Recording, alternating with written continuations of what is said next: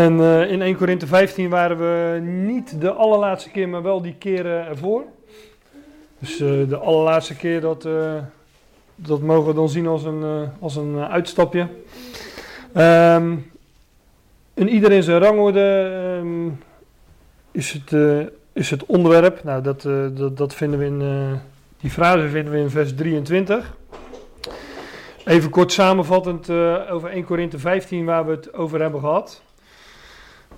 Paulus die maakt daarin eh, bekend het evangelie.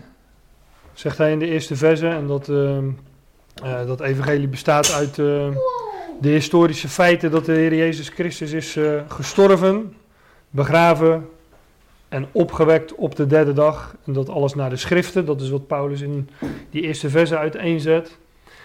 Vervolgens ehm, geeft hij aan dat dat niet zomaar een verhaal is of een, eh, of een idee van hemzelf, maar dat, eh, dat er vele getuigen van zijn die, eh, die dat gezien hebben. Daar hebben we, het ook, hebben, hebben ook een ochtend bij, bij stilgestaan. Meer dan 500 broeders op eenmaal is hij verschenen. Ehm, nou, in, de in de navolgende verse geeft, geeft Paulus aan dat. daar, legt hij, daar legt hij uit wat, wat, wat de gevolgen zijn van, eh, van die opstanding, maar ook van een boodschap zonder opstanding. Want dat is denk ik ook de aanleiding waarom Paulus dit hoofdstuk geschreven heeft. Eh, er waren sommigen onder de Corinthiërs die zeiden dat er geen opstanding van doden is. Nou, daar eh, maakt Paulus kort en met mee en hij zet in, in die verse, eh, vanaf vers 11 ongeveer, daar zet hij kinderlijk eenvoudig uiteen. Ehm, ja, dat, dat, dan het hele, dat dan het geloof ijdel is, dat het evangelie leeg is zonder opstanding. Omdat dat de, de kern, de basis is van het hoofdstuk, eh, van, van, de, van het evangelie. Het, eh, de ene laatste keer dat we hier eh, bij elkaar waren, hebben we het met name gehad over vers 22. Want zoals zij allen in Adam sterven, alzo, zo zullen zij ook in, eh, in Christus alle levend gemaakt worden. En dat vers is eigenlijk het, eh, het middelpunt van het hoofdstuk. En daar hebben we dus eh, ja, ook de hele ochtend bij stilgestaan. Ook andere versen waarin de vergelijking wordt gemaakt tussen Adam en Christus. Hè, beide zijn hoofd van een mensheid. En ehm, zoals de een de dood en zonde de wereld inbracht, zowel tot alle mensen, tot heel de mensheid, zo brengt de ander, Christus namelijk, de laatste Adam, eh, leven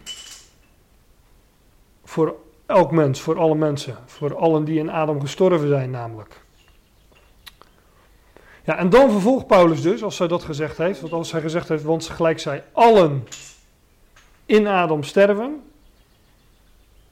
alzo zullen zij ook in Christus allen levend gemaakt worden. En dan zegt Paulus, maar ieder in zijn orde, ieder in zijn rangorde. De eersteling Christus, daarna die van Christus zijn in zijn toekomst, in zijn parousia, kom daar straks nog wel op. Daarna zal het einde zijn. Nou, hier zet ik een. eh, er staat een komma, maar ik zet, zet hier voor nu even een punt, omdat we ehm, voor deze ochtend hier onze handen wel, eh, wel aan vol hebben. Want eh, Paulus, zegt, Paulus zegt weliswaar dat alle mensen die eh, in Adam gestorven zijn, in Christus levend eh, gemaakt zullen worden. Maar hij zegt er meteen bij, er zal een bepaalde eh, volgorde plaatsvinden, een bepaalde rangorde. En over die, eh, over die rangorde wil ik het wel eh, wil, wil ik het eens hebben deze, deze ochtend. En ehm, ik hoop dat jullie allemaal wakker zijn. Want het is best een, eh, het is best een hele, een hele kluif, om het zo te zeggen. Een aantal dingetjes, eh, daar heb ik zelf ook nog wel kleine vraagtekentjes over. Dus als ik er erg in heb, zal ik die ook nog wel aanstippen. Natuurlijk hopend dat ik daar eh, wellicht ook nog aanvulling op krijg en, eh, en er zelf ook wat wijzer van word. Ik heb ooit een keer op een, eh, op een goed berichtconferentie, toen ging het over dood en opstanding. Toen heb ik over het onderwerp opstanding uit de doden gesproken. En, ehm, opstanding uit de doden, dat is met name waar we het nu ook over hebben, is een opstanding van tussen de overige doden uit. Dus een opstanding uit de doden. De rest blijft achter in de dood. En uh, bij een opstanding uit de doden zijn er dus die uit die dood opstaan. We, we, hebben dat in dit hoofdstuk ook al gezien, hè, want in vers, uh, vers 20 wordt gezegd. Maar nu, zegt Paulus, Christus is opgewekt uit de doden. Hè, dus hij is op, opgestaan uit de doden. En hij is de eersteling geworden van degenen die ontslapen zijn. Christus is de eerste die opgestaan is uit de doden. En hij is nog steeds uh, de eerste. Um, en als ik zeg dat Christus de eerste is, wellicht weten jullie, daar hebben we het ook volgens mij vorige keer wel over gehad. Er zijn in de Bijbel echt wel mensen die uit de dood zijn opgestaan. Uh, jongeling van Nain, Lazarus. Zelfs in het Oude Testament vinden we, vinden we daar voorbeelden van.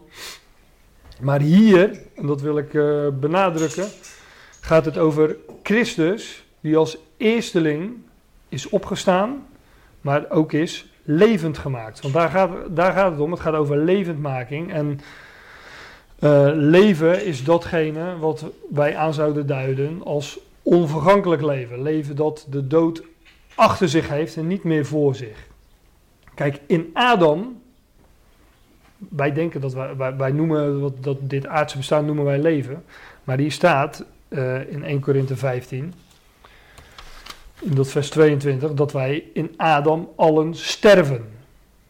Er staat niet dat we in Adam allen zullen sterven. Dit, is gewoon de vaststelling van een feit. Zodra we geboren worden, dan um, is, het eind, is het eindpunt. Ja, dat is, dat is in ieder geval uh, vast en zeker. En um, nou ja, ook al bepaald bij, bij, bij God natuurlijk. Maar het feit wordt gewoon gesteld: in Adam sterven wij allen. En zo zullen, maar wij, zo zullen wij in Christus allen, allen levend gemaakt worden, zoals de eersteling Christus. Want daar wordt over gesproken in, uh, in, die, uh, in die voorgaande versen. En Christus is degene die als eerste, als eersteling, hè, als eerste vrucht van de oogst, onvergankelijk leven heeft ontvangen. Romeinen 6 zegt daarover van de dood heerst niet meer over hem. Dat is leven. Dat is echt leven. Leven met allemaal hoofdletters of uh, met dik gedrukte onderstreepte vette letters. Uh, noem, noem, het maar op. Maar in ieder geval dat leven. Dat, uh, dat de dood achter zich heeft en niet meer voor zich. Dat is het leven dat, waar het over gaat in 1 Korinthe 15. Ik benadruk dat omdat ik, ik heb al vaker gesprekken gehad natuurlijk over dit, over dit onderwerp met mensen. En dan zeggen ze altijd van ja, Tuurlijk, uiteindelijk zal iedereen opstaan. En de een een opstanding uh, ter leven en de andere een opstanding ter veroordeling of, of, of verdoemenis of, of wat dan ook.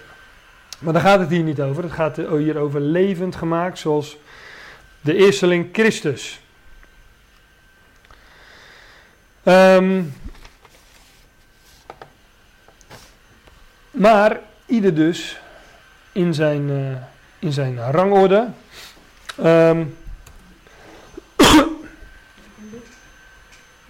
ja, als je geen last hebt uh, verder dan. Uh...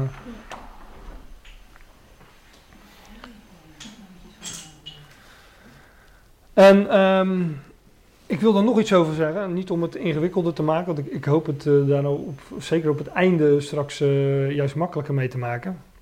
Wij, wij hebben het wel eens gehad ehm, over eeuwen ionen in, in de schrift.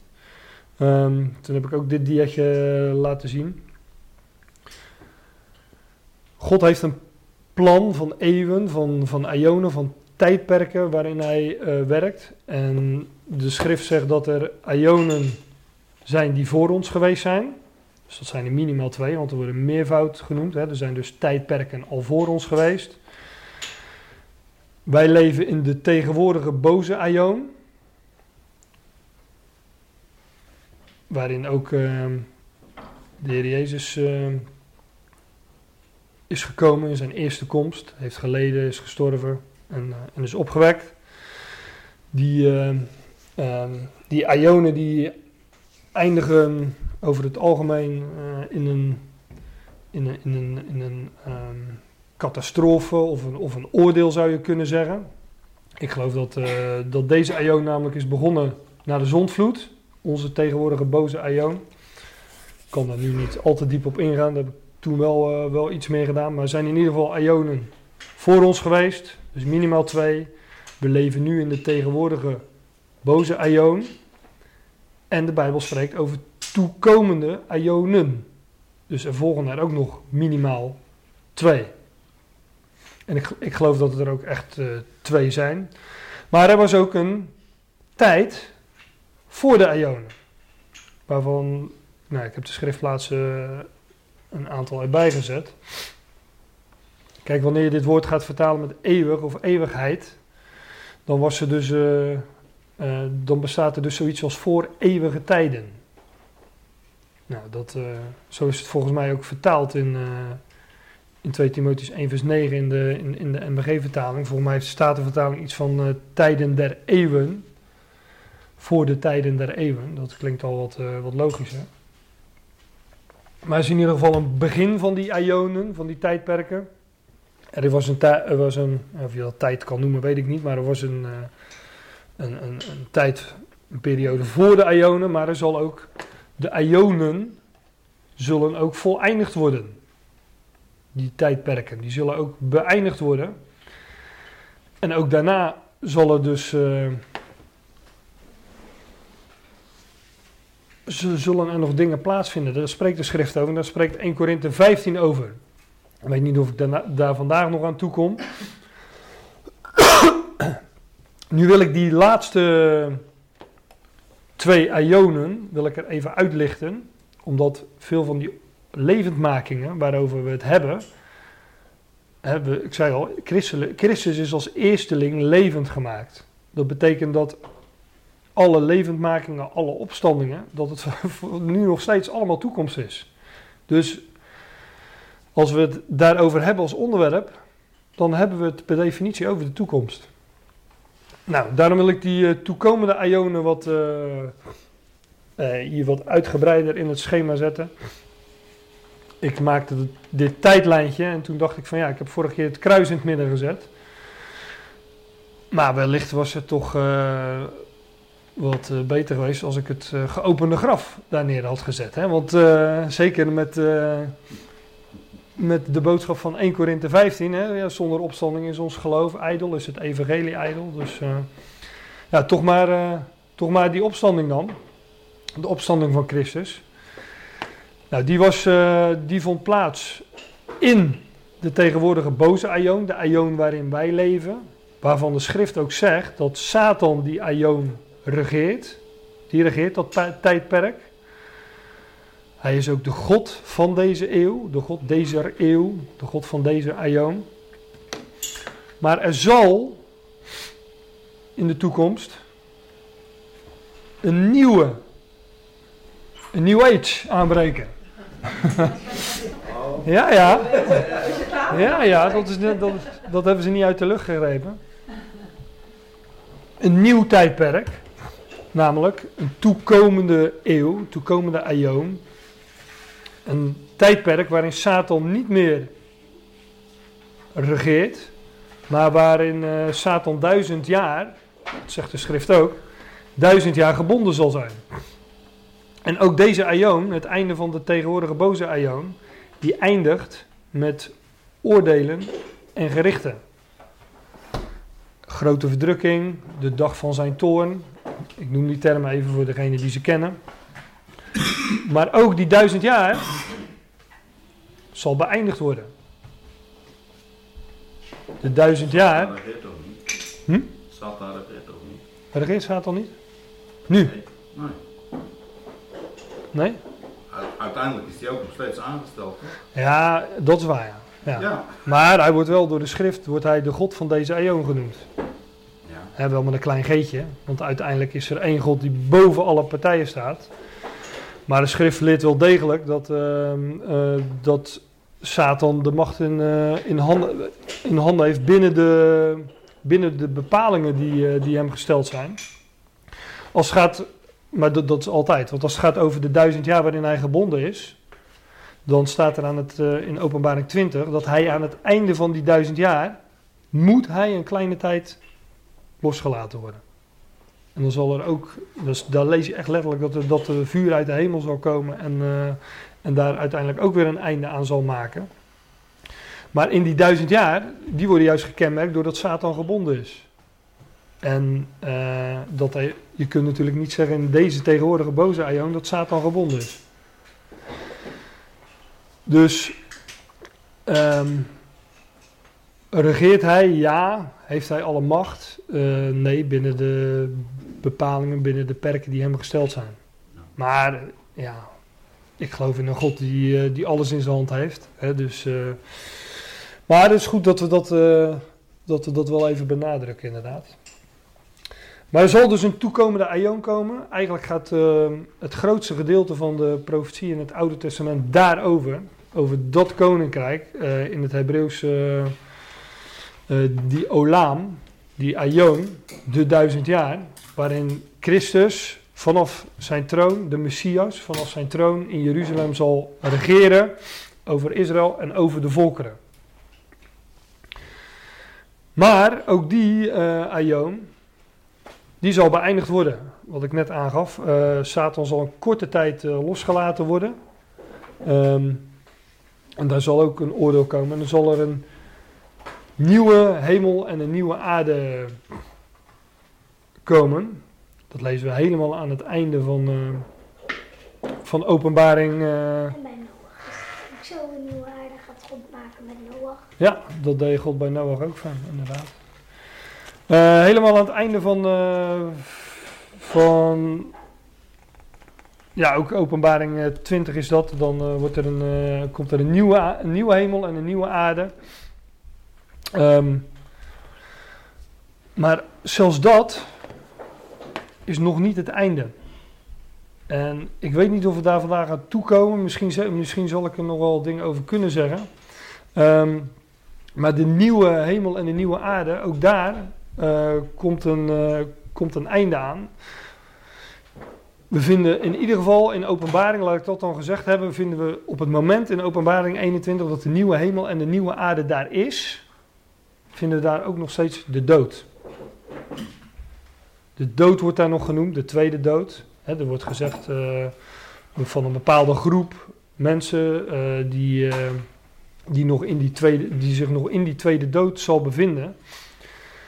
En Paulus, maar daardoor weet ik dat we er uiteindelijk nog op terecht gaan komen. Paulus zegt in 1 Korinthe 15, 26e vers, dat de laatste vijand die overwonnen zal worden, dat dat de dood is. En dat Christus daarna zijn koninkrijk, want dan is, dan is elke vijand onderworpen, dan is er geen vijandschap meer, dan, uh, dan is elke macht en kracht en alle vijandschap onderworpen. En dan zal Christus zijn koninkrijk, dat totaal onderworpen is, overdragen aan zijn God en Vader. En dan zegt 1 Korinthe 15, zal God zijn alles in allen. Maar en dat wordt zelden gezien. Daarom moeten we er denk ik uh, wat uitgebreider nog over gaan hebben. In, e- in openbaring 21 en 22 is dat nog niet de situatie. Men denkt dat zijn de laatste twee hoofdstukken van de Bijbel, dus dat is het, uh, het eindpunt. Maar Paulus, en ik ben blij dat we het daar ook over hebben gehad, Paulus zegt dat hij degene is die het woord van God zou completeren. En Paulus die ziet dan ook verder in, uh, in 1 Korinthe 15 bijvoorbeeld. Dan, uh, hij ziet daarin verder dan, uh, dan Johannes in, uh, in openbaring.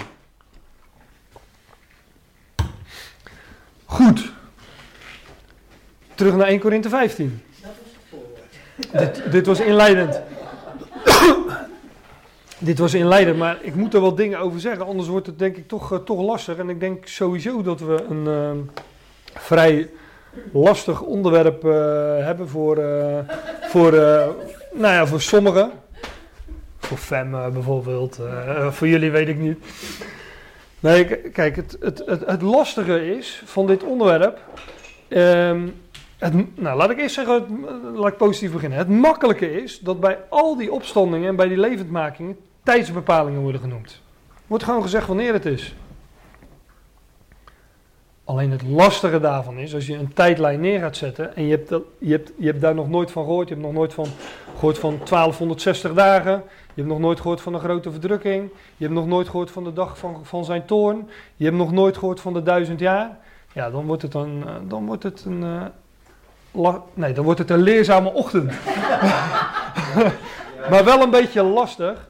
Maar uh, daarom heb ik, ik heb wat schemaatjes gemaakt. Dus ik uh, probeer het jullie makkelijk te maken. En het, uh, het wordt ook uh, opgenomen. En tot nu gaat het goed op dat ding te zien. Dus ja, als het, als het wat, wat, wat, lastig was of wat veel, luister dat dan nog eens terug. En ik zal ook... Um, ja, de PowerPoint die zal op mijn website staan. Ik zal ook wel even aangeven waar ik nog kleine vraagjes zelf heb openstaan. Bijna allemaal. Ja. Goed, terug naar uh, 1 Korinthe 15. Die vers, dat vers 23, daar gaan we het over hebben. Ieder in zijn rangorde. De eersteling Christus, nou dat, uh, ik, heb, ik hoop duidelijk gemaakt te hebben waar dat over gaat. Onvergankelijk leven. En dan staat er daarna die van Christus zijn in zijn toekomst in zijn parousia is het Griekse woord. En parousia, kijk, de, voor mij heeft de MBG-vertaling, of andere vertalingen, die hebben zoiets als uh, komst. Maar dat zou ons op een verkeerd been kunnen zetten, omdat de komst zien wij vaak als een moment, dat hij komt.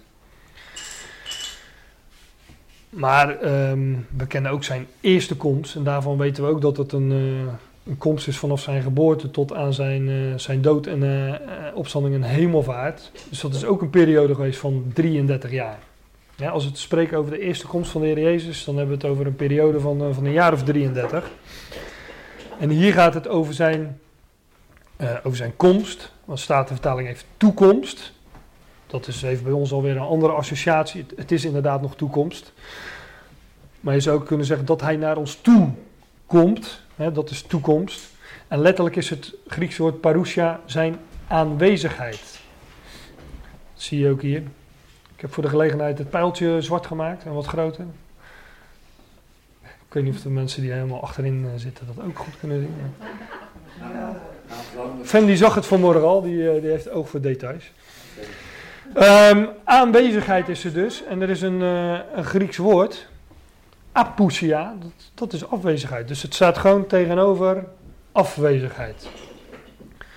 Dus het, vanaf het, nou, dat is inderdaad vanaf het moment van zijn komst of van zijn wederkomst, maar ook de hele periode erna, wanneer hij aanwezig zal zijn. Parousia.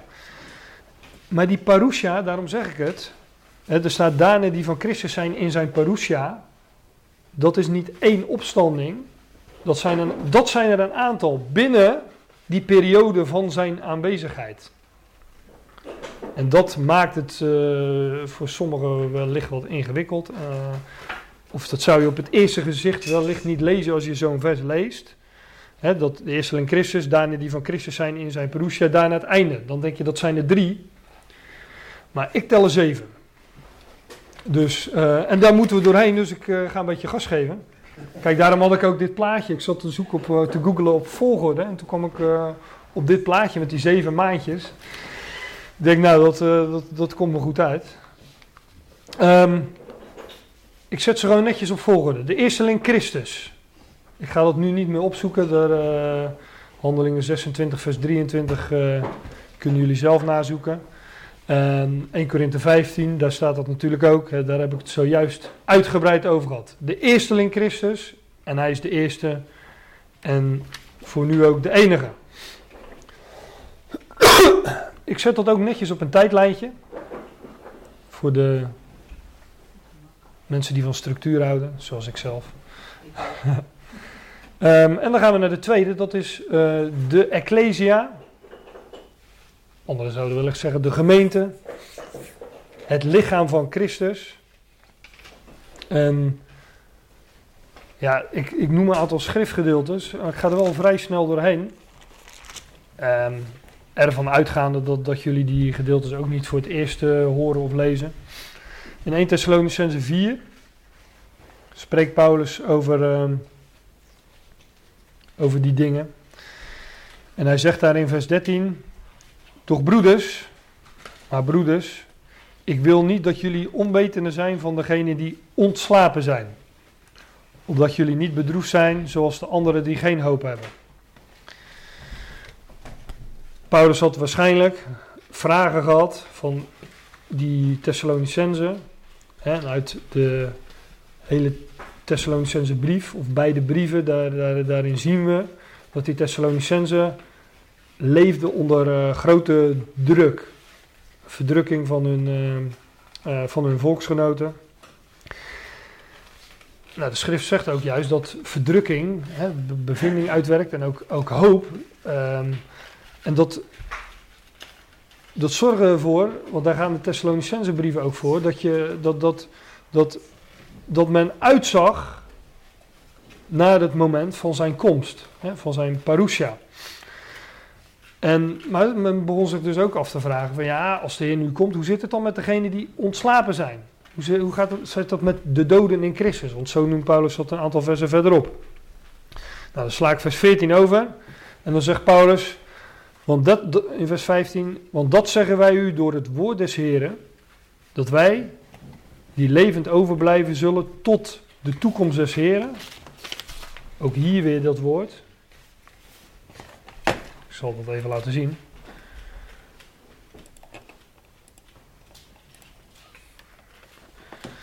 Want dit zeggen wij u door het woord des Heren, dat wij die levend overblijven zullen tot in de parousia, staat er letterlijk tot in de parousia, tot in de aanwezigheid van de Heer.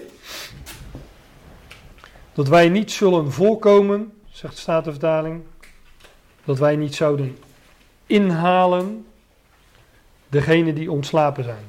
Ook wel mooi, hier staat letterlijk ten ruste liggenden. De dood is een slaap, is een rust. En die, eh, die eindigt wanneer, eh, wanneer de doden levend gemaakt worden, wanneer zij dus opgewekt worden.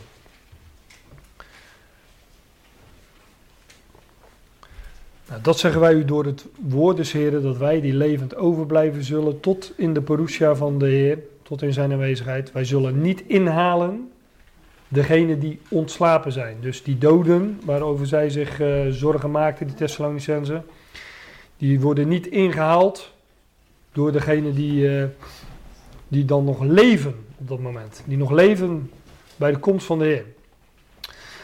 Want de Heer zelf zal met een geroep, met de stem van de aartsengel en met de bezuin van God neerdalen van de hemel.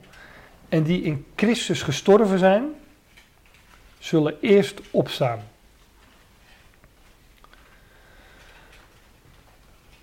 Oh.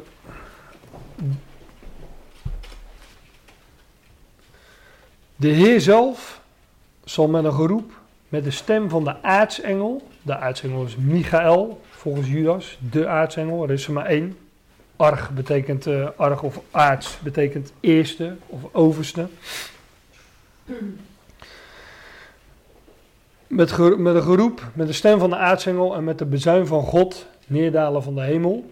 Nou, of dat alle drie hetzelfde is, dat uh, mogen jullie zelf bepalen. Um, ik noem die Michael even, omdat we die straks nog een keer tegenkomen. En um, die markeert dus ook weer een, uh, een, een, een, moment in de tijd. Dit moment namelijk. Nou, mijn laptop is leeg, maar dan moet je wel de stekker erin doen. Komt het vanzelf weer goed. Ja. Gelukkig geeft hij dat aan, want uh, als je opeens zwart wordt, dan uh, is het problematisch. De Heer zelf zal met een geroep, met de stem van de aartsengel en met de bezuin van God neerdalen van de hemel. Zijn komst dus, zijn parousia. En de doden in Christus, staat hier letterlijk, zullen eerst opstaan.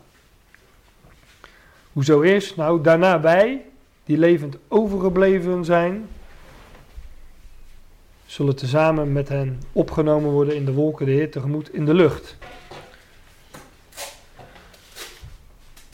Dit is natuurlijk een. Uh, ja, we gaan, er vrij, we gaan er vrij snel doorheen, maar het is natuurlijk een geweldig moment. Want het gaat over ons. Het gaat over het moment waarop wij. Um, of als doden in Christus levend gemaakt zullen worden. Of, en uh, daar hoop ik toch wel, toch op, dat wij nog leven, levend zijn op dat moment. He, want de, daar zal op dat moment een, uh, zal de Heer de doden in Christus levend maken. En degene die, nog, uh, die op dat moment nog zullen leven, die zullen in de blinken van een ei, in een, in, een, in een atoom, in een punt destijds, zullen die veranderd worden. En die zullen tezamen met die doden die opgewekt zijn, die levend gemaakt zijn, uh, zegt vers 16, zullen te, tezamen met, met die doden in Christus die levend gemaakt zijn, uh, weggerukt of weggegrist worden. Want dat staat er letterlijk. Vers 17 is het overigens. Zullen weggerukt of weggegrist worden, de Heer tegemoet in de lucht. Dus de doden in Christus zullen levend gemaakt worden, zullen opstaan. En degenen die op dat moment nog levend overgebleven zijn, die zullen veranderd worden. En zullen tezamen als, als eenheid, want het is een eenheid, het is het lichaam van Christus, zullen ze weggerukt worden, de Heer tegemoet in de lucht. En alzo, is ook belangrijk dit wat hier staat, alzo zullen wij altijd met de Heer wezen. Wij zullen altijd samen met de Heer zijn vanaf dat moment. Want hoofd en lichaam zijn dan bij elkaar. Hoofd en lichaam zijn op dat moment verenigd. Ja, dat zal ook niet meer uh, gescheiden worden. En dan staat er dan ook, zo dan vertroost elkaar met deze woorden. De MBG heeft vermaand elkaar, maar ja, dat is wel een beetje een, uh, hoe zeg je dat netjes? Een, uh, nee, ik wou zeggen een vlag op stronschuit, maar... Ik ken dat. maar um, als je dit gelezen hebt en je, je zegt dan vermaand elkaar met deze woorden, ja, dat, dat, dat, dat, dat klinkt natuurlijk niet. Dus, en vertroost, hè, dat, dat klinkt al wat beter, maar het, het woord is aanmoedigen, bemoedigen. Bemoedig elkaar met deze woorden. En daar, ik zei al, die Thessalonicenzen, die werden, ja, die werden verdrukt. Dus hun bemoediging was van ja, straks, als, we, de Heer zal komen, dan zullen deze dingen gebeuren. Nou, even snel naar 1 Korinthe 15. Want daar staat het ook. Ik. Uh... daar zegt Paulus in vers 51.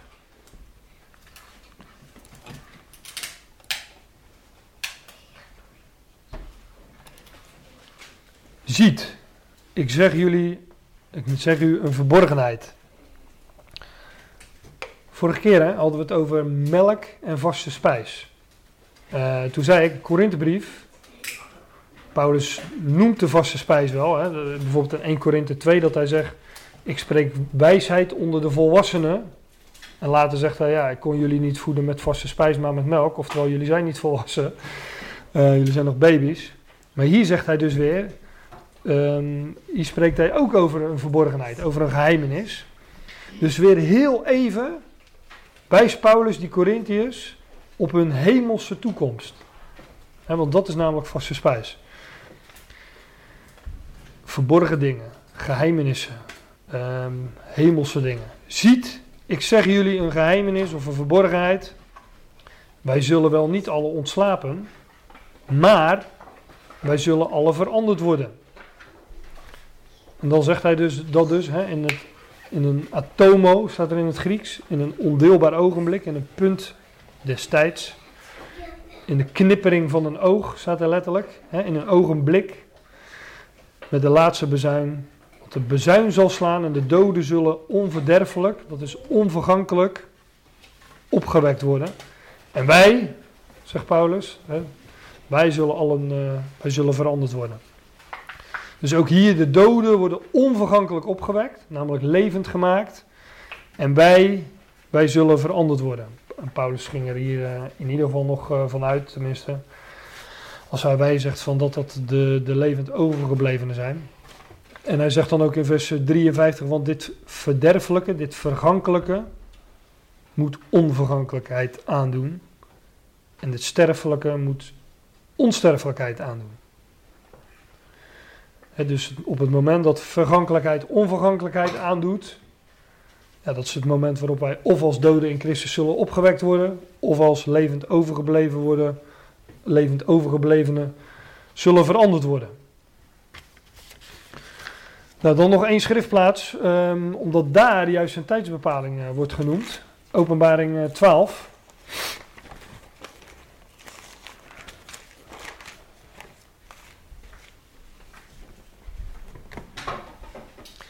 En ik noem wat schriftgedeeltes uh, om uh, niet over één nacht ijs te gaan, maar ik doe het wel vrij snel, zodat. Uh,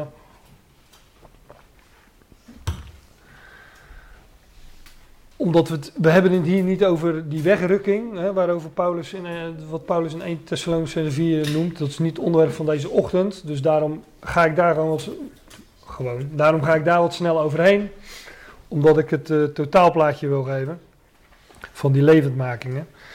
In openbaring 12, daar ziet, ziet, Paulus wilde ik zeggen, maar het is Johannes natuurlijk. Daar ziet uh, Johannes een, uh, een visioen, een beeld. In vers 1 van een vrouw, bekleed met de zon. De maan was onder haar voeten en op haar hoofd een kroon van twaalf sterren.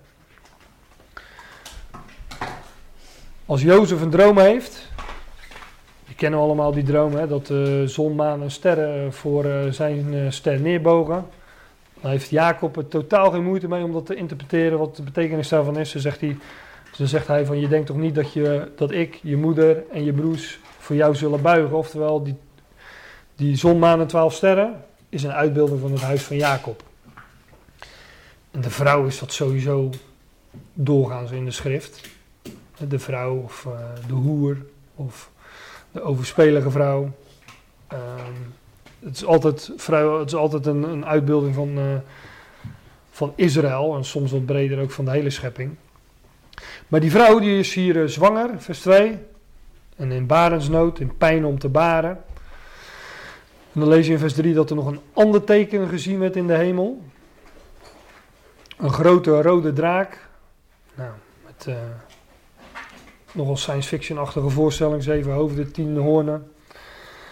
Um, maar die draak, ze lezen in vers 4, die, heeft het, uh, die staat voor die vrouw, opdat hij haar kind zou verslinden.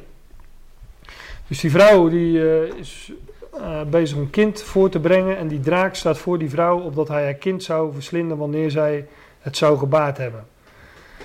En dan lees je in vers 5, zij baarde een mannelijke zoon die al de heidenen, alle naties zou hoeden met een ijzeren roede. En dan lezen, en haar kind werd weggerukt tot God en zijn troon.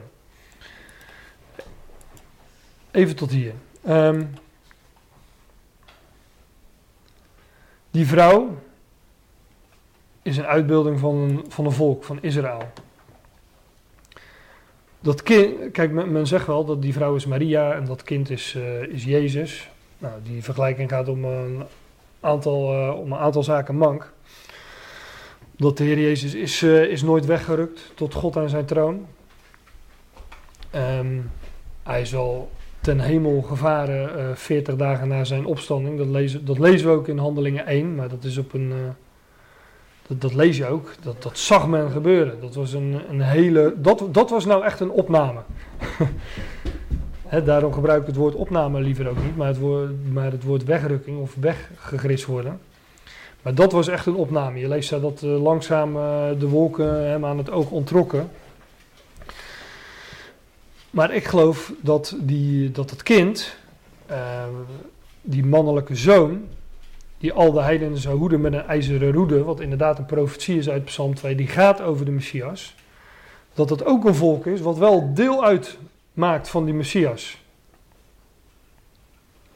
De Messias, de Christus, het volk dat deel uitmaakt van de Christus, ja, dat is de Ecclesia, dat is het lichaam van Christus. Wij zijn één lichaam met hem. En daarom zijn wij die mannelijke zoon. En wij zullen ook met hem regeren. Wij zullen de natie hoeden met een ijzeren roede, zoals dat hier, eh, hier staat.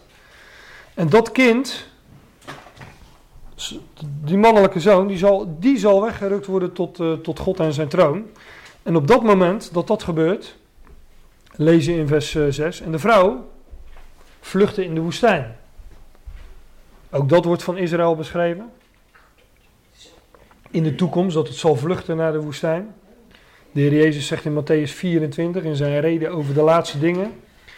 Dat als dan die in Judea zijn, vluchten naar de bergen. wie op het dak is, die komen niet, uh, gaat niet eerst nog je jas pakken of wat dan ook. Wegwezen. Die vrouw vlucht dus in de woestijn, lezen hier, waar, waar, al waar zij een plaats had, haar van God bereid. Ja, ook daar valt veel over te zeggen. Er is een plaats in de woestijn van Bosra, van Edom. Ehm, de plaats Petra, hè, die, die, waarvan ik denk dat, dat dat de plaats is waar dat volk verzameld zal worden.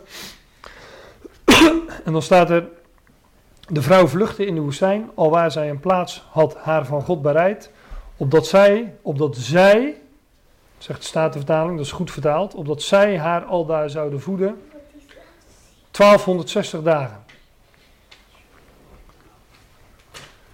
Die vrouw vlucht dus in de woestijn, want er, breekt, uh, er, er, vangt een grote verdrukking uh, aan. De Heer Jezus zegt ook in Matthäus 24: Wanneer gij zult zien de gruwel van de verwoesting, waardoor, uh, waarvan gesproken is door de profeet Daniel, dat als dan die in Judea zijn vluchten naar de bergen. Dus op het moment dat er op de heilige plaats een afgodsbeeld wordt neergezet, dat markeert het beginpunt van de grote verdrukking, is ook het moment um, waarop die mannelijke zoon wordt weggerukt voor dat naderende gevaar.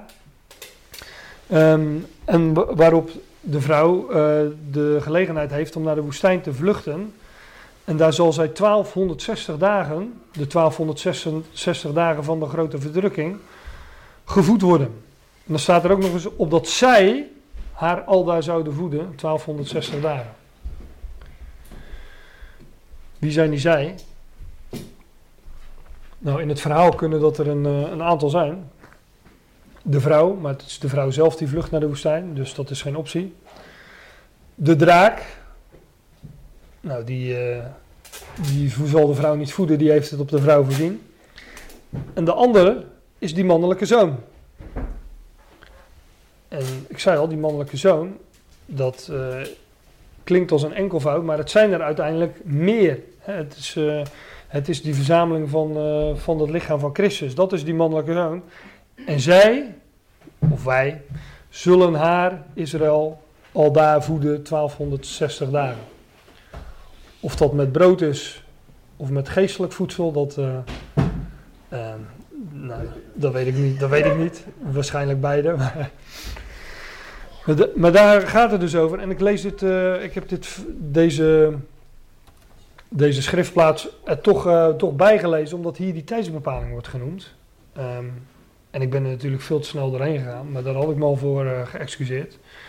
Maar op het moment dat de Ecclesia, de doden in Christus en de levend overgebleven, overgeblevenen levend gemaakt zullen worden, dat is het moment waarop die 1260 dagen zullen aanvangen. Dus dat kunnen we netjes uh, zo op ons tijdlijntje erbij zetten. Christus als eersteling, daarna de Ecclesia. nou, ik doe er nog eentje voor de pauze. Want we gaan nu naar de volgende. En dat zijn uh, de twee getuigen. Zojuist vertelde ik al dat ik een keer op de Goed Berichtconferentie uh, over dit onderwerp opstanding uit de doden had gesproken. En toen uh, stuurde iemand later mij een, eh, een e-mail met wat, wat, wat zaken, wat aanvullingen. En daar noemde hij onder andere deze schriftplaats, openbaring 11, over die twee getuigen. Want ook zij worden daar uh, opgewekt.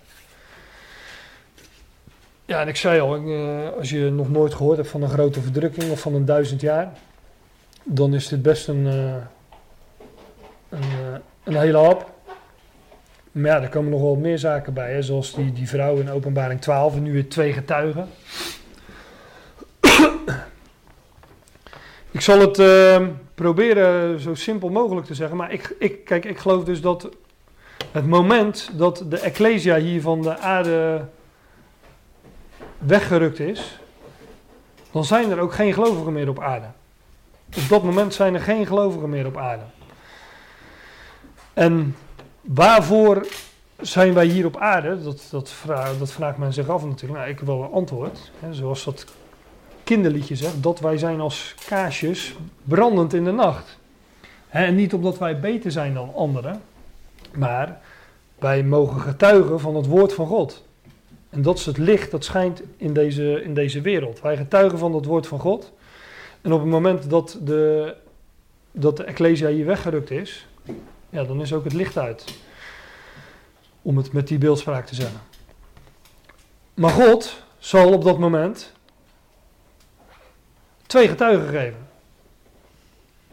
En er staat in openbaring 11 vers 3. Ik zal mijn twee... Ik klik het er even bij. Ik zal mijn twee getuigen, macht, zegt de Statenvertaling dan, maar dat staat schijnverdrukt, dus kun je ook weglaten. Ik zal mijn twee getuigen geven en zij zullen profiteren 1260 dagen. Dus op het moment dat, uh, dat die Ecclesia hier weggerukt wordt, dan zal God twee getuigen geven. En die 1260 dagen zullen profiteren. Ik had het net over de, de, de, de dat wij zijn als kaarsjes brandend in de nacht. Maar dat staat ook in het volgende vers. Deze zijn de twee olijfbomen. waar wordt die olijfboom voor gebruikt? Nou, om olie te genereren. Om, en uh, dat wordt weer gebruikt om licht te genereren. Deze zijn de twee olijfbomen en de twee kandelaren die voor de God der aarde staan. Kandelaren, licht. Kandelaren hebben we het ook wel eens over gehad, maar dat licht spreekt van dat licht dat schijnt in een duistere plaats. Hè, dat, dat getuigt van Gods woord. Licht is een beeld van het woord van God. Uw woord is een lamp voor mijn voeten, licht op mijn pad. Enzovoort. Nou, die twee getuigen, die, uh, we zullen straks ook nog lezen waar ze komen te staan. Om het even zo te zeggen. Uh, zo iemand die wil beschadigen, vers 5. Een vuur zal uit hun mond uitgaan. En zal hun vijanden verslinden. En zo iemand hen wil beschadigen, die moet al zo gedood worden. Die zullen dus onaantastbaar zijn in die 1260 dagen. Deze, vers 6, hebben macht de hemel te sluiten. Deze hebben macht de hemel te sluiten, opdat geen regen regenen in de dagen hun profetering. En ze hebben macht over de wateren om die in bloed te verkeren en de aarde te slaan met allerlei plagen, met rampen. Het is nu eenmaal grote verdrukking, dus er komen rampen over, uh, over het land. Zo menigmaal als zij zullen willen. Als je dit vers leest, je zoekt de tekstverwijzing op, dan weet je meteen wie die twee getuigen zijn. Het is allemaal heel interessant om het daarover te hebben. Alleen, ja, nu doen we dat dus even niet. Maar het is wel lastig om, om het er niet over te hebben, laat ik het zo zeggen. Mozes en Elia. En als zij hun getuigenis zullen geëindigd hebben, zal het beest dat uit de afgrond opkomt. Ja, weer nu weer een beest. Wie is dat beest nou weer? Nou, dat lees je weer in, uh, in Openbaring 13. Er wordt, gele, er wordt gesproken over twee beesten. Nou, de, en, uh, een van die beesten uit de afgrond. Als zij hun getuigenis zullen geëindigd hebben, zal het beest dat uit de afgrond opkomt hun krijg aandoen. En het zal hen overwinnen en zal hen doden. Maar dat gebeurt dus pas, want hun was gegeven 1260 dagen te profiteren. En wanneer zij hun getuigenis geëindigd zullen hebben, ja, dan, zullen zij, uh, dan, dan zal dat beest hen overwinnen. En dan zal hij hun pas kunnen overwinnen. Daarvoor zijn ze onaantastbaar. En zal hij hen doden. Dan lezen hun dode lichamen, een dode lijk, het lijk van hun, zal liggen op de straat der grote stad die geestelijk genoemd wordt Sodom en Egypte, alwaar ook onze Heer gekruist is. Nou, de Heer werd in Jeruzalem gekruist, dat weet, uh, gekruisigd, dat weten we allemaal. Maar hier staat in de Statenvertaling, hun dode lichamen zullen liggen op de straat. Letterlijk staat hier uh, een plat, platte vlakte, plateas, Grieks, een plein. Nou, we hebben het Museumplein in Amsterdam, maar welk plein hebben we in, uh, in Jeruzalem? Het Tempelplein, ja. Dus die, uh, nou, daarmee hebben we ook wel de plaats bepaald waar, waar zij hun getuigenis zullen, zullen geven. En daar zal hun dode lichaam dan ook liggen op de straat van de grote stad, die geestelijk genoemd wordt Sodom en Egypte. Al waar ook onze Heer gekruisigd is. En de mensen uit de volken en geslachten en talen en naties zullen hun dode lichamen zien, drie en een halve. Drie dagen en een halve. Dus drieënhalve dag zullen hun dode lichamen daar liggen. En ze zullen niet toelaten dat hun dode lichamen in graven gelegd worden. Zullen daar dus voor heel de wereld te aanschouwen zijn dat ze daar liggen, drieënhalve dag. En er zal niet toegestaan worden dat die lichamen begraven worden. En die op de aarde wonen, die zullen verblijd zijn over hen en zullen vreugde bedrijven en zullen elkaar geschenken zenden, omdat deze twee profeten degene die op de aarde wonen gepijnigd hebben. Gekweld.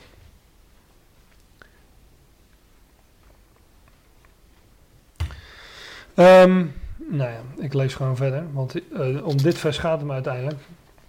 Na drieënhalve dag, na drie dagen en een halve, is een geest van leven, geest des levens uit God in hen gegaan. En zij stonden op, hun voeten, en er is grote vrees gevallen op degene die hen aanschouwden. Nou, hier lees je dus dat die twee getuigen een geest van leven ontvangen. En dus worden, ja, ze worden levend gemaakt. Als je de geest uh, van leven ontvangt, ja, dan ga ik ervan uit dat je, dat je levend wordt gemaakt. En um, niet zoals bijvoorbeeld uh, Lazarus of andere, um, uh, of dochter van Jairus die ik al noemde, die, die daarna weer zijn gestorven. Nee, zij worden hier levend gemaakt. De geesten van leven uit God, die ging in hen en zij stonden op, op hun voeten. En dus ja, er is grote vrees gevallen op uh, degene die hen aanschouwden. Die elkaar geschenk hadden gestuurd omdat ze zo blij waren dat, dat die twee uh, lastpakken, uh, dat die twee lastpakken dood waren. Ik lees nog heel even verder. Dan staat er, ze hoorden een grote stem uit de hemel die tot hen zei, komt herwaarts op. Dus ze worden geroepen vanuit de hemel om op te komen, naar boven te komen. En ze gingen omhoog, ze voeren op naar de hemel in de wolk en hun vijanden aanschouwden hen.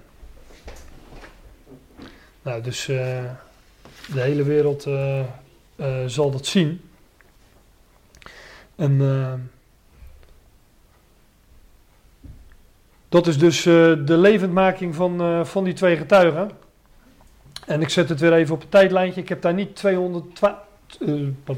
even terugspoelen. Ik heb daar niet gezegd 1263 en een halve dag. Daar heb ik niet nog maar een pijltje bij gezet. Naast die 1260, want dan werd het wel een gepriegel, maar uh, ongeveer na 1260, om precies te zijn, op 1263 en een halve dag zullen die twee getuigen dus uh, opstaan en levend gemaakt worden.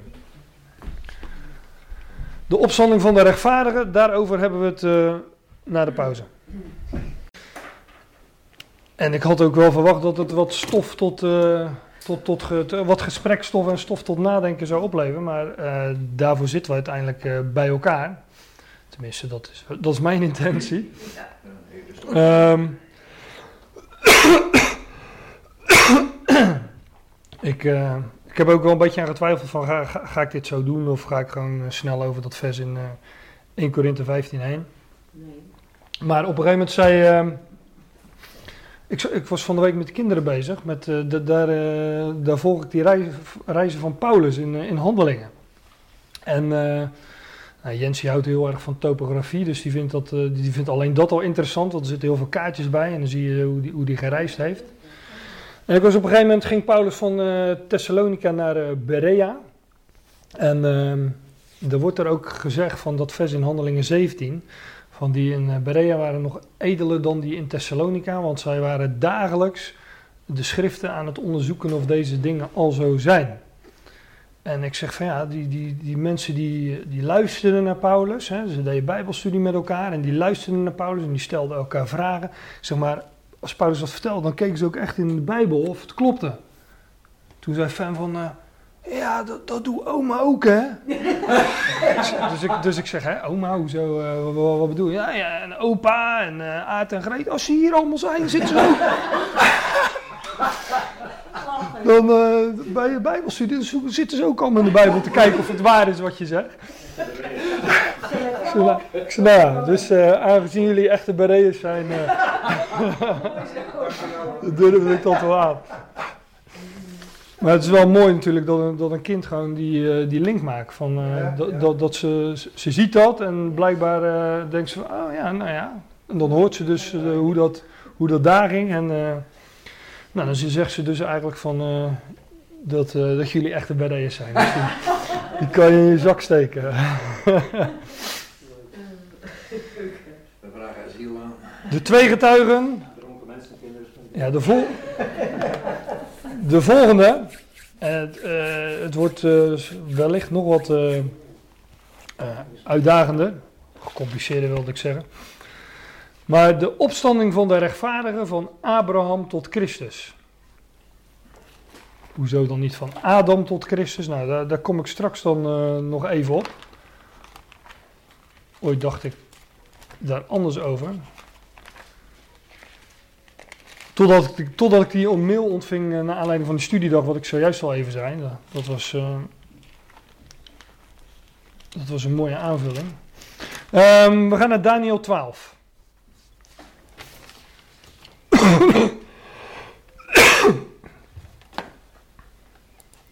Tot nu toe ging het wel met het hoesten, maar ik hoop dat het uh, een slokje water op Ja, bedoel je irritant voor jullie of voor mij? Oh. uh, mij ook niet zo. In Daniel 12, ik zei net al bij 1 Thessalonicense 4, um, de, de aartsengel ging het daarover, dat is Michael. En hier staat, uh, te die tijd, in die tijd zal Michael opstaan, die grote vorst, die voor de kinderen uw volk staat, als het zulk een tijd der benauwdheid zijn zal, als er niet geweest is, sinds dat er een volk geweest is, tot op diezelfde tijd toe. Hele mond volk, stop even. Op die tijd, nou welke tijd, welke tijd lees je ook in het voorgaande hoofdstuk, bijvoorbeeld in uh, 11 vers 31. Daar staat aan het, daar staat, ze zullen, zullen armen uit hem ontstaan en zij zullen het heiligdom ontheiligen. 11 vers 31. En de sterkte en zij zullen het gedurig offer wegnemen en een verwoestende gruwel stellen. Over die tijd gaat het. Het moment waarop op de heilige plaats, zoals de Jezus dat zegt in Matthäus 24, een afgodsbeeld gesteld zal worden in de tempel. Of op ja, in de tempel. Nou, dan staat er ook, te die tijd zal Michael opstaan. Nou, welke tijd was dat? Dat was het moment waarop het dagelijks offer gestaakt wordt, wanneer er een verwoestende gruwel opgesteld zal worden. En dat zal ook ongeveer het moment zijn waarop uh, de gemeente weggerukt zal worden en waarop God zijn twee getuigen zal geven die 1260 dagen zullen profiteren. Op die tijd zal Michael opstaan, die grote vorst. En dan staat er ook achter die voor de kinderen uw volk staat. En het volk van Daniel, uw volk. Dat is natuurlijk het Joodse volk. En dan staat als het zulk een tijd der benauwdheid zijn zal, als er niets niet geweest is, sinds dat er een volk geweest is tot op diezelfde tijd toe. Het zijn ook weer woorden die, waar die de Heer Jezus zegt, die zegt in Matthäus 24, als dan zal grote verdrukking wezen, hoedanig er niet geweest is van het begin van de wereld tot nu toe en ook niet meer zijn zal enigszins uit het hoofd, dus wellicht dat het er net iets anders staat, maar het zijn echt vergelijkende woorden. In Matthäus 24. In Jeremia 30 noemt die tijd der benauwdheid, die genoemd wordt. De tijd der benauwdheid. Een tijd van benauwdheid voor Jacob. Voor het huis van Jacob, voor Israël dus. Dat zijn weer die 1260 dagen. Er zit een meisje met de vinger in de lucht. Papa, je moet even... Nee, nee, nee. Nee, maar kijk. nee. Armen van buren staat hier En hier staat ook heel Ik vind het heel fijn, maar ik ga nu verder en jij uh, hebt je eigen ding. Ja? Te die tijd zal Michael opstaan, die grote vorst, die voor de kinderen uw volk staat, als het zulk een tijd der benauwdheid zijn zal. Nou, enzovoorts. Dus daarmee is weer die uh, periode gemarkeerd. En dan staat er uh, in het vervolg van het vers, en te die tijd zal uw volk verlost worden. Al wie gevonden wordt, beschreven te zijn in het boek. Het boek, het boek des levens, uh, wellicht of waarschijnlijk. En vers 2 zegt dan: Velen van die in het stof der aarde slapen, zullen ontwaken. Deze, ja, ten, e- ik lees even hoe het staat. Deze ten eeuwige leven en genen tot versmaadheden en tot eeuwige afgrijzing. Deze, is het ene deel, zal ontwaken uit de stof tot het leven van de aion. Welke aion? Ik ga gewoon even terug, want ik heb niet voor niks al die mooie plaatjes gemaakt. Nou, die toekomende aion, want hier in dat laatste deel van deze tegenwoordige boze aion vinden we die 1260 dagen. Dit is bij, de, bij, de, bij het einde van deze aion.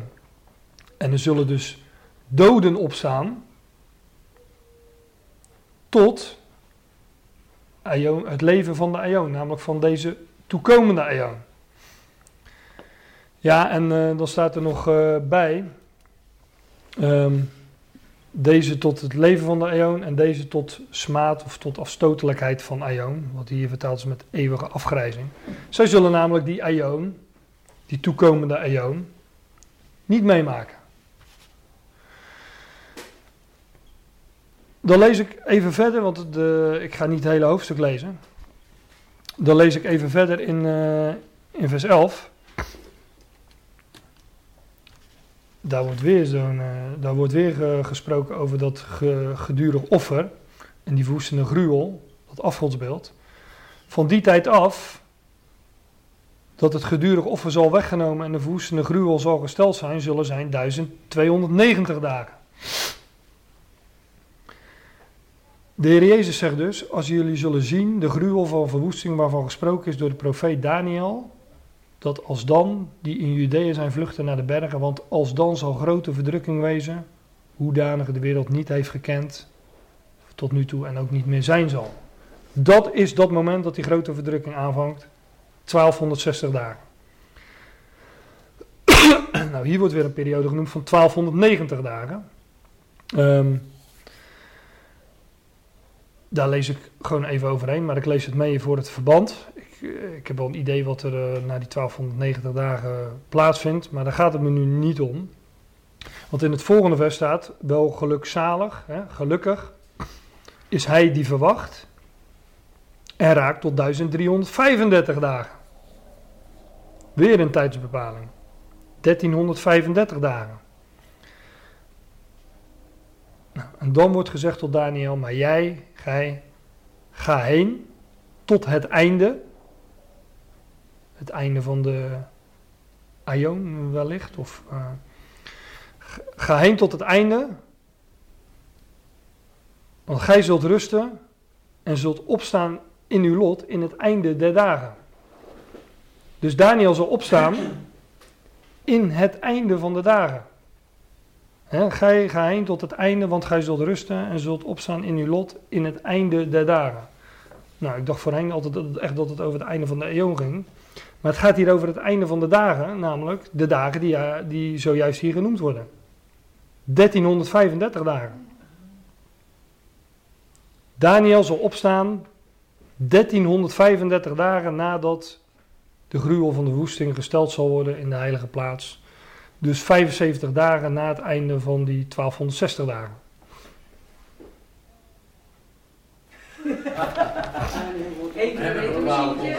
Ja, ja dat, zo lees ik het, zo, zo staat het hier. En dat betekent, als je het mij vraagt, dat Daniel uh, en de, de, de opstanding van de rechtvaardigen wordt, wordt, uh, wordt dit ook genoemd uh, in heb ik daar nog een aantekening van gemaakt.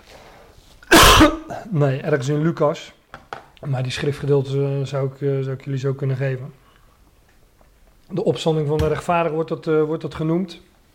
En dat is, meen ik, maar daar kom ik dan straks op, eh, Abraham, de, de, de, de, de rechtvaardige van Abraham tot Christus.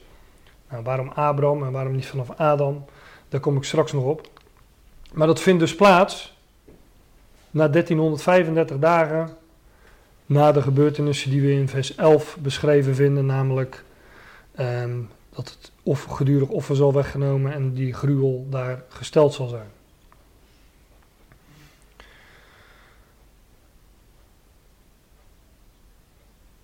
We gaan verder. De opstanding van de martelaren, dat is de vijfde die, eh, levendmaking die ik vind in, eh, in de schrift. De opstanding van de martelaren uit de grote verdrukking en uit de grote dag van zijn toorn. Nou, die grote verdrukking die, eh, is, eh, de term is in- inmiddels een aantal keren voorbij gekomen.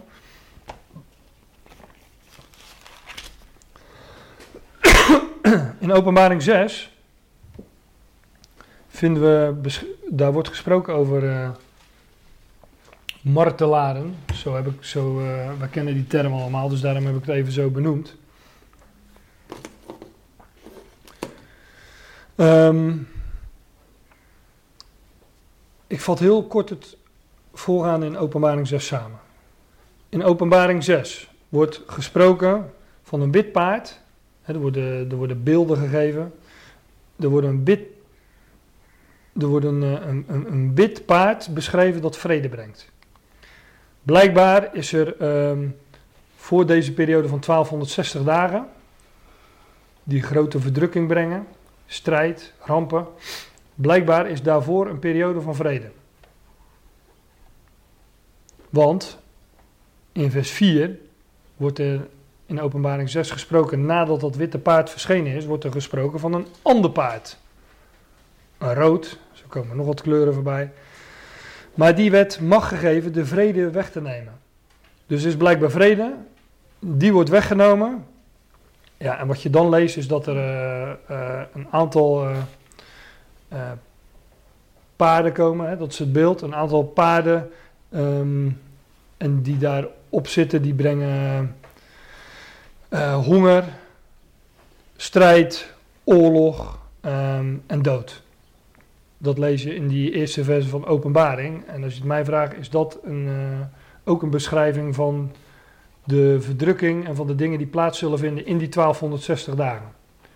Ook dat kun je naast Matthäus 24 leggen, want daar, leggen, daar worden diezelfde dingen beschreven. Ik snap dat ik nu echt heel snel hier doorheen ga. Ehm, veel te snel, maar ik kan het ook moeilijk helemaal even, even doornemen, want dat, dat is echt te veel. Want ik moet nu eenmaal eh, in, die, eh, in die versen 9 tot 11 ko- terechtkomen. Het gaat erover het, eh, het openen ook nog eens van zegels. En wanneer zo'n zegel geopend wordt, dan, eh, dan komt er dus zo'n paard tevoorschijn. Dat, dat is eigenlijk het, eh, het beeld. Nou, lees dat eh, later nog even door. En toen het, het vers 9, toen het het vijfde zegel geopend had, zag ik onder het altaar de zielen van degenen die gedood waren. Om het getuigenis. Ik zal even laten zien hoe het er letterlijk staat. 6 vers 9. Letterlijk staat er toen het het vijfde zegel geopend had, zag ik onder het altaar de zielen van degenen die geslacht of afgeslacht waren. Om het woord van God en om het getuigenis dat zij hadden. Dus die eh, onder het altaar, ja dat is natuurlijk ook nog zoiets, is dit, is dit, eh, het is natuurlijk sowieso een beeld, maar is het letterlijk, zag Johannes letterlijk daar die zielen of zag hij daar bloed? Want onder een altaar, daar vind je bloed, want slachting vindt plaats naast het altaar. Hebben we ook gezien bij het brandofferaltaar. Daarnaast vindt die slachting plaats. Dus dat, die, die plek om zo'n altaar is, eh, ja, da- da- daar is veel bloed. Dus eh, hij zag onder het altaar de zielen van degenen die afgeslacht waren om het getuigenis. dat zij hadden en om het woord van God. En zij riepen met grote stem, zeggende, hoe lang, o heilige en waarachtige Heerser, oordeelt en wreekt gij ons bloed niet van degenen die op de aarde wonen. En aan een ieder werden lange witte klederen gegeven. Let op. En hun werd gezegd dat zij nog een kleine tijd rusten zouden, totdat ook hun broeders zouden vervuld zijn die gedood zouden worden, gelijk als zij. Dus ik vat het samen in mijn uh, in een, nou ja, een, een parafrasering. Hier gaat het over martelaren die om mensen die vanwege het woord van God, vanwege hun getuigenis, van, nou, vanwege hun geloof in het woord van God, zijn omgekomen in de grote verdrukking. En daartegen wordt gezegd, zij, zij roepen om van ja, wanneer zal wraak, hè? Ook zo'n woord wat natuurlijk beladen is, maar wanneer zal dat rechtgezet worden? Wanneer zal dat rechtgezet worden? En dan, wordt er gezegd, nog een kleine tijd zouden zij rusten Daarom denk ik dat het toch over bloed gaat onder dat altaar, want zij zijn in de dood en zij rusten. Totdat ook hun mededienstknechten en hun broeders zouden vervuld zijn die gedood zouden worden. Gelijk als zij. Dus blijkbaar zijn er ook nog anderen die in, uh, in verdrukking omkomen. Vanwege hun geloof, vanwege hun getuigenis in het woord van God.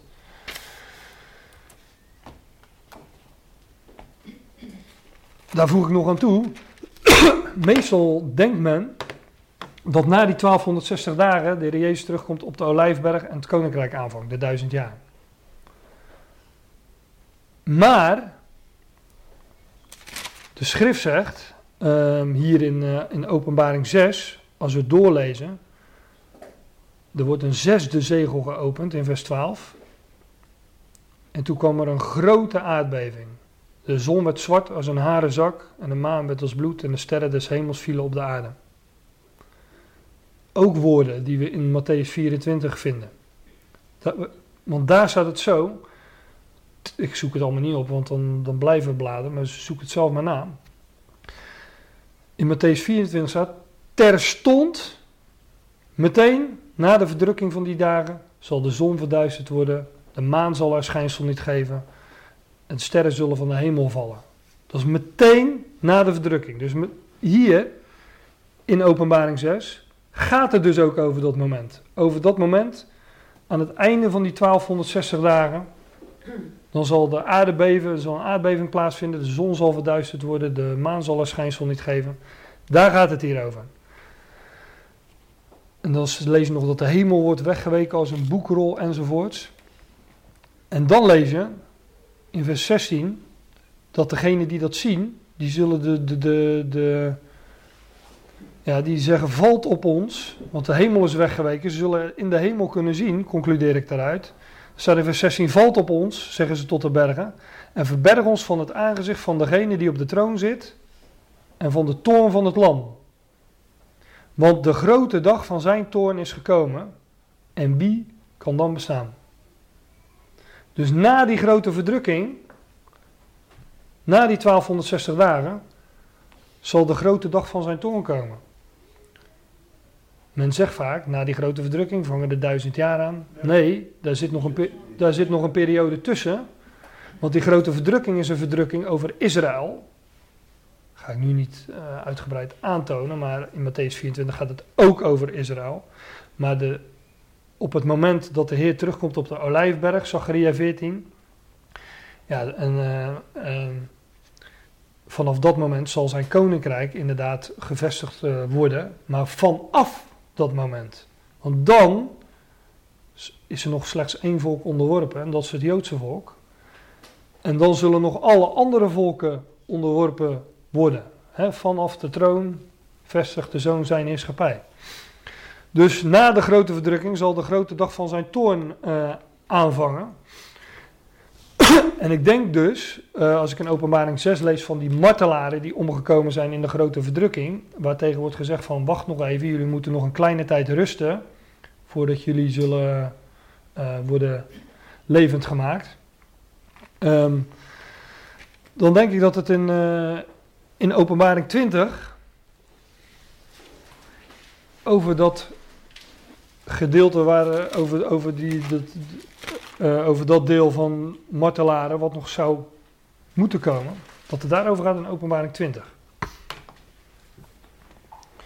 In openbaring 20 wordt dus inderdaad gezegd eh, dat eh, de... Er komt een engel, openbaring 20 vers 1. Er komt een engel van de hemel. En die grijpt de draak, de oude slang, welke is duivel en Satan. En die wordt gebonden, openbaring 20 vers 1. Die wordt gebonden duizend jaar. Nou, daar hadden we het al even over. Ik moet steeds verder terug, maar. ehm, wanneer deze eeuw, deze aion beëindigd zal zijn, zal de toekomende aion aanbreken. De, de aion waarin Christus zal heersen, maar dat zal ook tevens de aion zijn, de duizend jaar, waarin, waarin Satan gebonden zal zijn. En dan staat er aan het einde van de vers 3: Daarna moet hij een kleine tijd ontbonden worden. Nou, dat is dus inderdaad eh, waar we het in het begin al even over hadden. Tuurlijk, Satan is de god van deze aion. Maar ook hij is een instrument in Gods handen. Hier staat dat hij moet, namelijk voor Gods, voor Gods doel, voor Gods plan. Ehm, nou, ik blijf nog even hier. Want, ehm, en er staat er in vers 4 van Openbaring 20. Ik zag tronen en zij zaten op dezelfde. En het oordeel werd hun gegeven. En ik zag de zielen van degenen die onthoofd waren om het getuigenis van Jezus en om het woord Gods. Martelaren zeg ik dus. Ook weer omgebracht om het getuigenis van Jezus en, vanwege, en om het woord Gods. En die het beest en dus zelfs beeld niet aangebeden hadden. Nou, het beeld we het ook al even over. Die het merkteken niet ontvangen hadden aan hun voorhoofd. Ook daar spreekt openbaring uh, van. 11, 11 meen ik. Die het merkteken niet ontvangen hadden aan hun voorhoofd en aan hun hand. En zij leefden en heersen als koningen met Christus de duizend jaren. En dan staat er maar de overige doden werden niet wederlevend. Oftewel, deze doden zijn hier levend gemaakt. Deze doden zijn hier levend gemaakt. En de overige doden blijven in de dood, om het zo te zeggen. de overige doden werden niet, ja, weder heeft de Statenvertaling, maar die werden niet levend. Die werden niet levend gemaakt.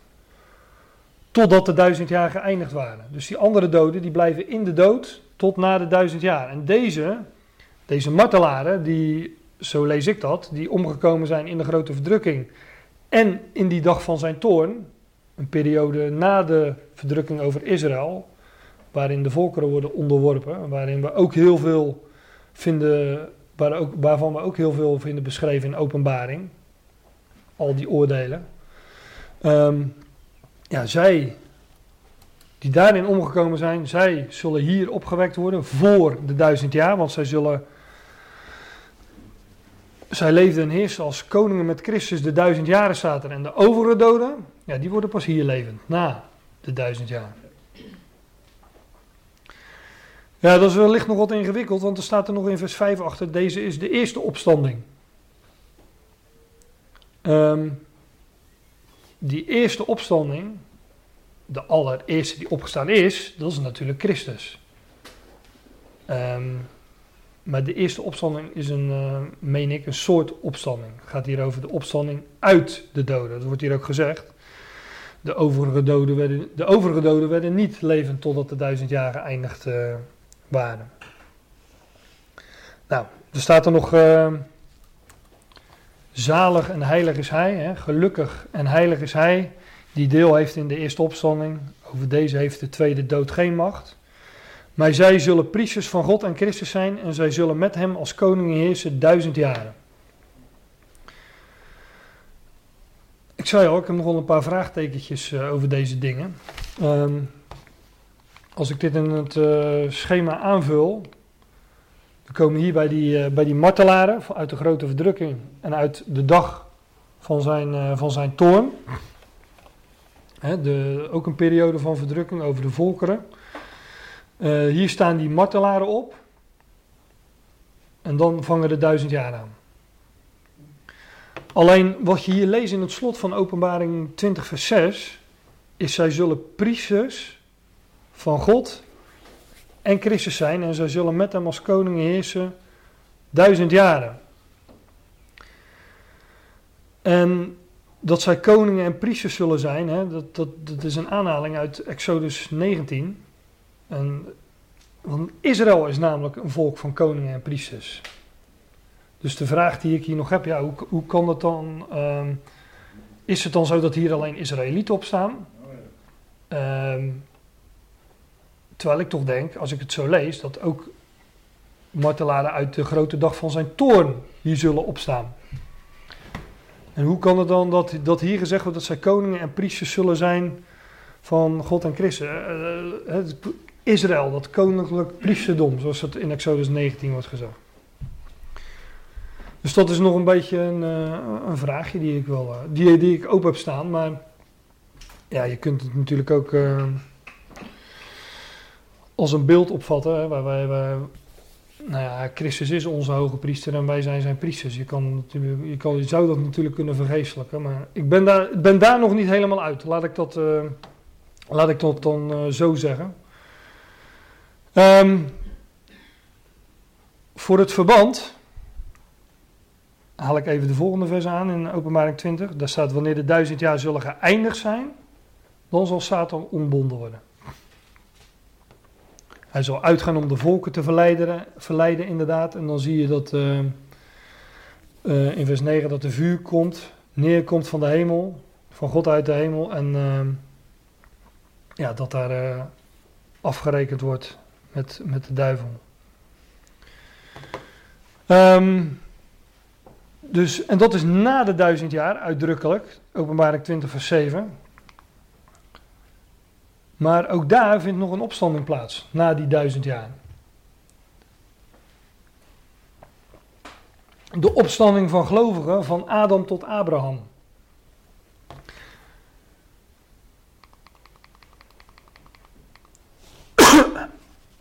Kijk, de duizend jaar, die toekomende aion, wordt ook al genoemd in de schrift het koninkrijk.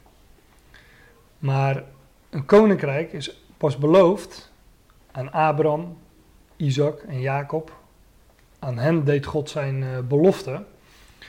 En ehm, het zou dus niet, nou ja, het zou wellicht niet zo logisch zijn om te, om te zeggen dat de geloven van Adam tot Christus ook opstaan voor die duizend jaar. Ik dacht dat vroeger wel altijd.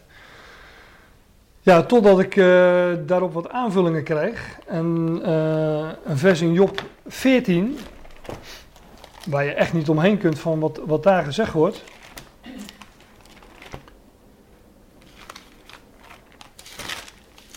Een vers in Job 14.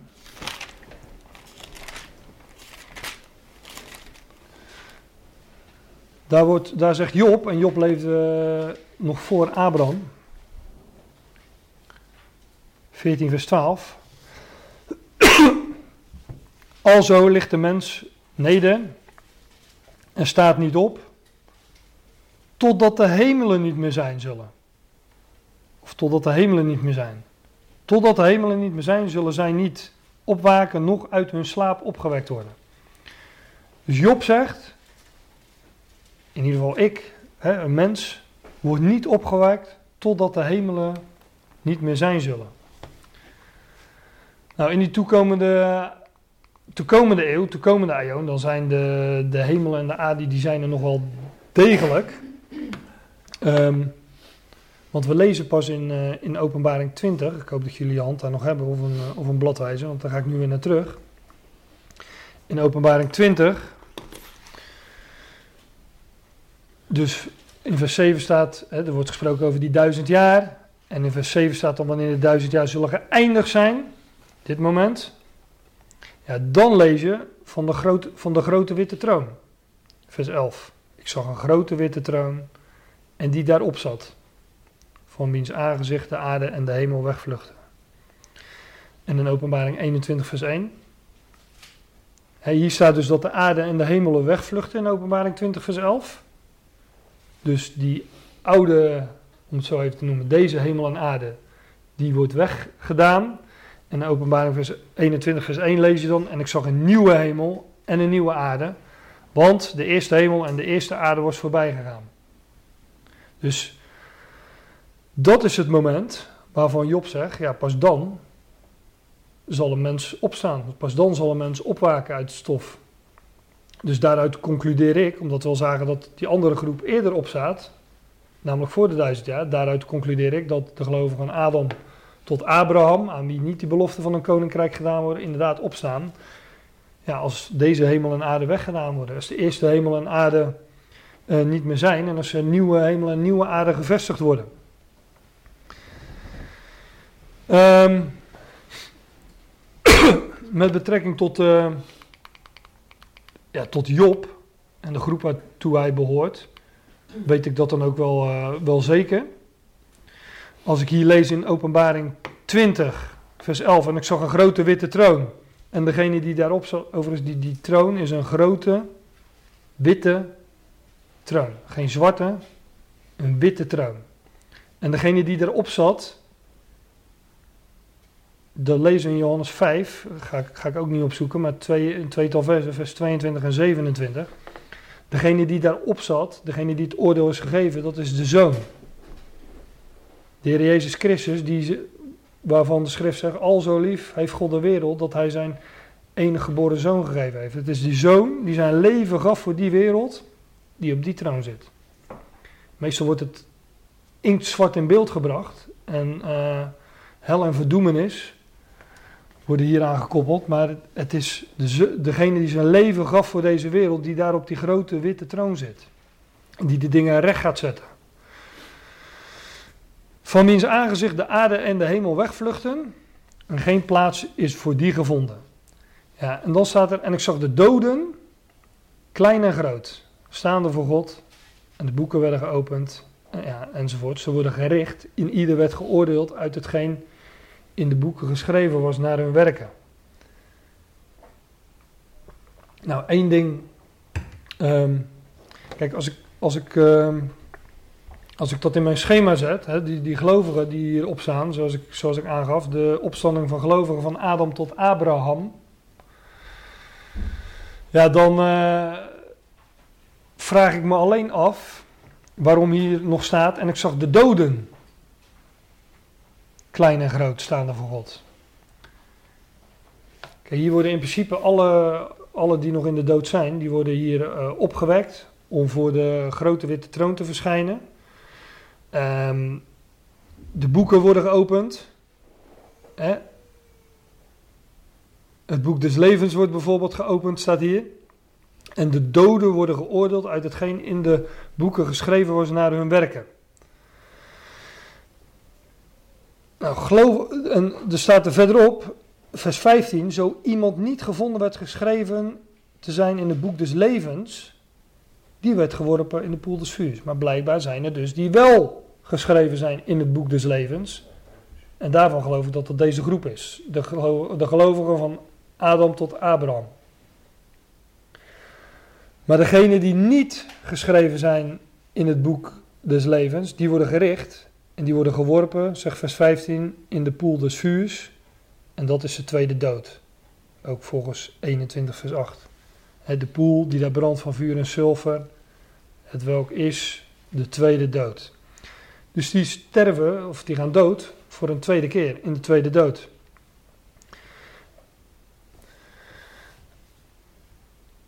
Alleen ik begrijp dan niet helemaal. Um, en ik hoop daar nog eens eh, meer licht op te krijgen, waarom deze groep, die geloven van Adam tot Abraham, hier dan toch doden worden genoemd. Ik zag de doden, klein en groot, staande voor God. Want er zijn wel degelijk gelovigen die daar staan, die wel geschreven zijn in het boek des levens. Worden zij hier nu wel of niet levend gemaakt? Dat, uh, dat heb ik nog niet helemaal helder. Dus dat uh, vermeld ik er dan ook maar bij. Um, maar dan vangt ook die nieuwe hemel en die nieuwe aarde aan. Hè, 21 vers 1. Maar op die nieuwe hemel en die nieuwe aarde, Ik, las net al, een, uh, ik haalde net al een gedeelte uit 21 vers 8 aan. Daar staat de vreesachtige, de ongelovige, de gruwelijke. Ik ga niet op al die woorden inzoomen, hoe het er precies staat. Doodslagers, hoereerders, tovenaars, afgodendienaars, leugenaars. Al, uh, uh, al de leugenaars. Hun deel is in de poel. Die daar brandt van vuur en zilver, zwavel. Het welk is de tweede dood. Nou, dus op het moment dat die nieuwe hemel en aarde gevestigd wordt, is ze dus nog dood. Daar is de tweede dood nog.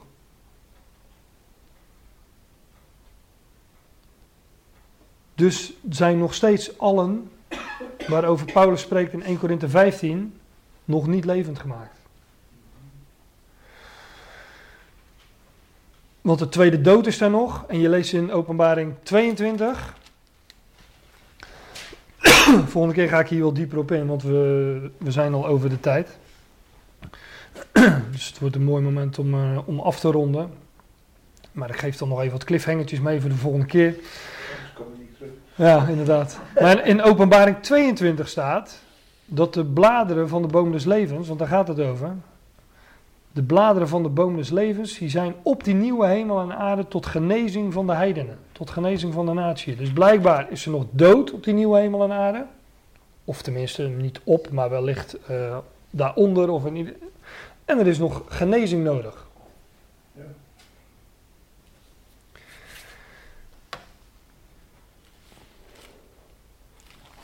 En dan blader ik terug naar 1 Korinthe 15. Want daar zegt Paulus, daarna het einde, en daar eindig ik dan ook mee. Paulus zegt daarna het einde. En waar, waar sprak hij over? Over welk einde? Allen die in Adam sterven zullen in Christus worden levend gemaakt. De eerste in Christus. Daarna die van Christus zijn in zijn parousia. Nou, dat zijn uh, deze overgroepen, voor zover ik daar zicht op heb. En, uh, nou, ik heb mijn, mijn vraagtekens er ook bij geplaatst die ik nog, nog heb. En daarna zal het einde zijn. Welk einde? Het einde van de levendmakingen. En dat is in ieder geval voorbij dit punt. Want hier is er nog de tweede dood. Ten tijde van de nieuwe hemel en aarde. Is de tweede dood er nog. En Paulus zegt in 1 Korinthe 15, vers 26, de laatste vijand.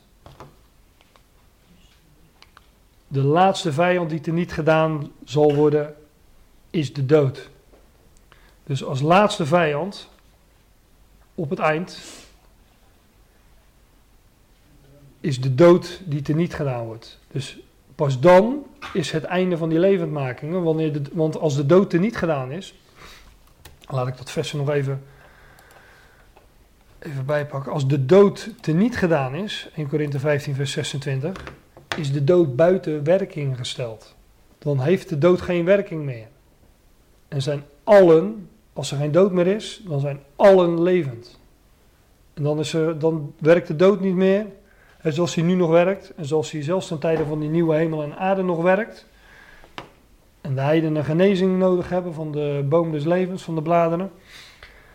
Maar daarna, daarom zeg ik, Paulus ziet verder in 1 Korinthe 15 dan Johannes in openbaring. En dat wordt echt zelden gezien. Maar de dood is nog op die, ten tijde van die nieuwe hemel en aarde. En de dood zal, uh, de dood, de dood zal worden teniet gedaan. De dood zal worden, buiten werking worden gesteld. En dan is er dus geen dood meer. En dan is dat is ook het einde. ik moet stoppen hoor. dan, dan is het einde van de, van de levendmakingen. En dan zal God zijn alles in allen. En ook die term komt uit 1 Korinthe 15, uh, uit 1 Korinthe 15, namelijk uit vers uh, 28. En ik zou er nog veel meer over kunnen zeggen, maar dat, uh, daar hebben we nu. Geef onszelf nu even de tijd niet meer voor. Het lijkt me ook wel even genoeg, dit voor nu. Genoeg stof tot nadenken en uh, gesprekstof. Maar Over het vervolg van eh 1 Korinthe 15 hebben we het gewoon eh, de volgende keer en dan eh, kunnen we daar wat uitgebreider eh, op ingaan.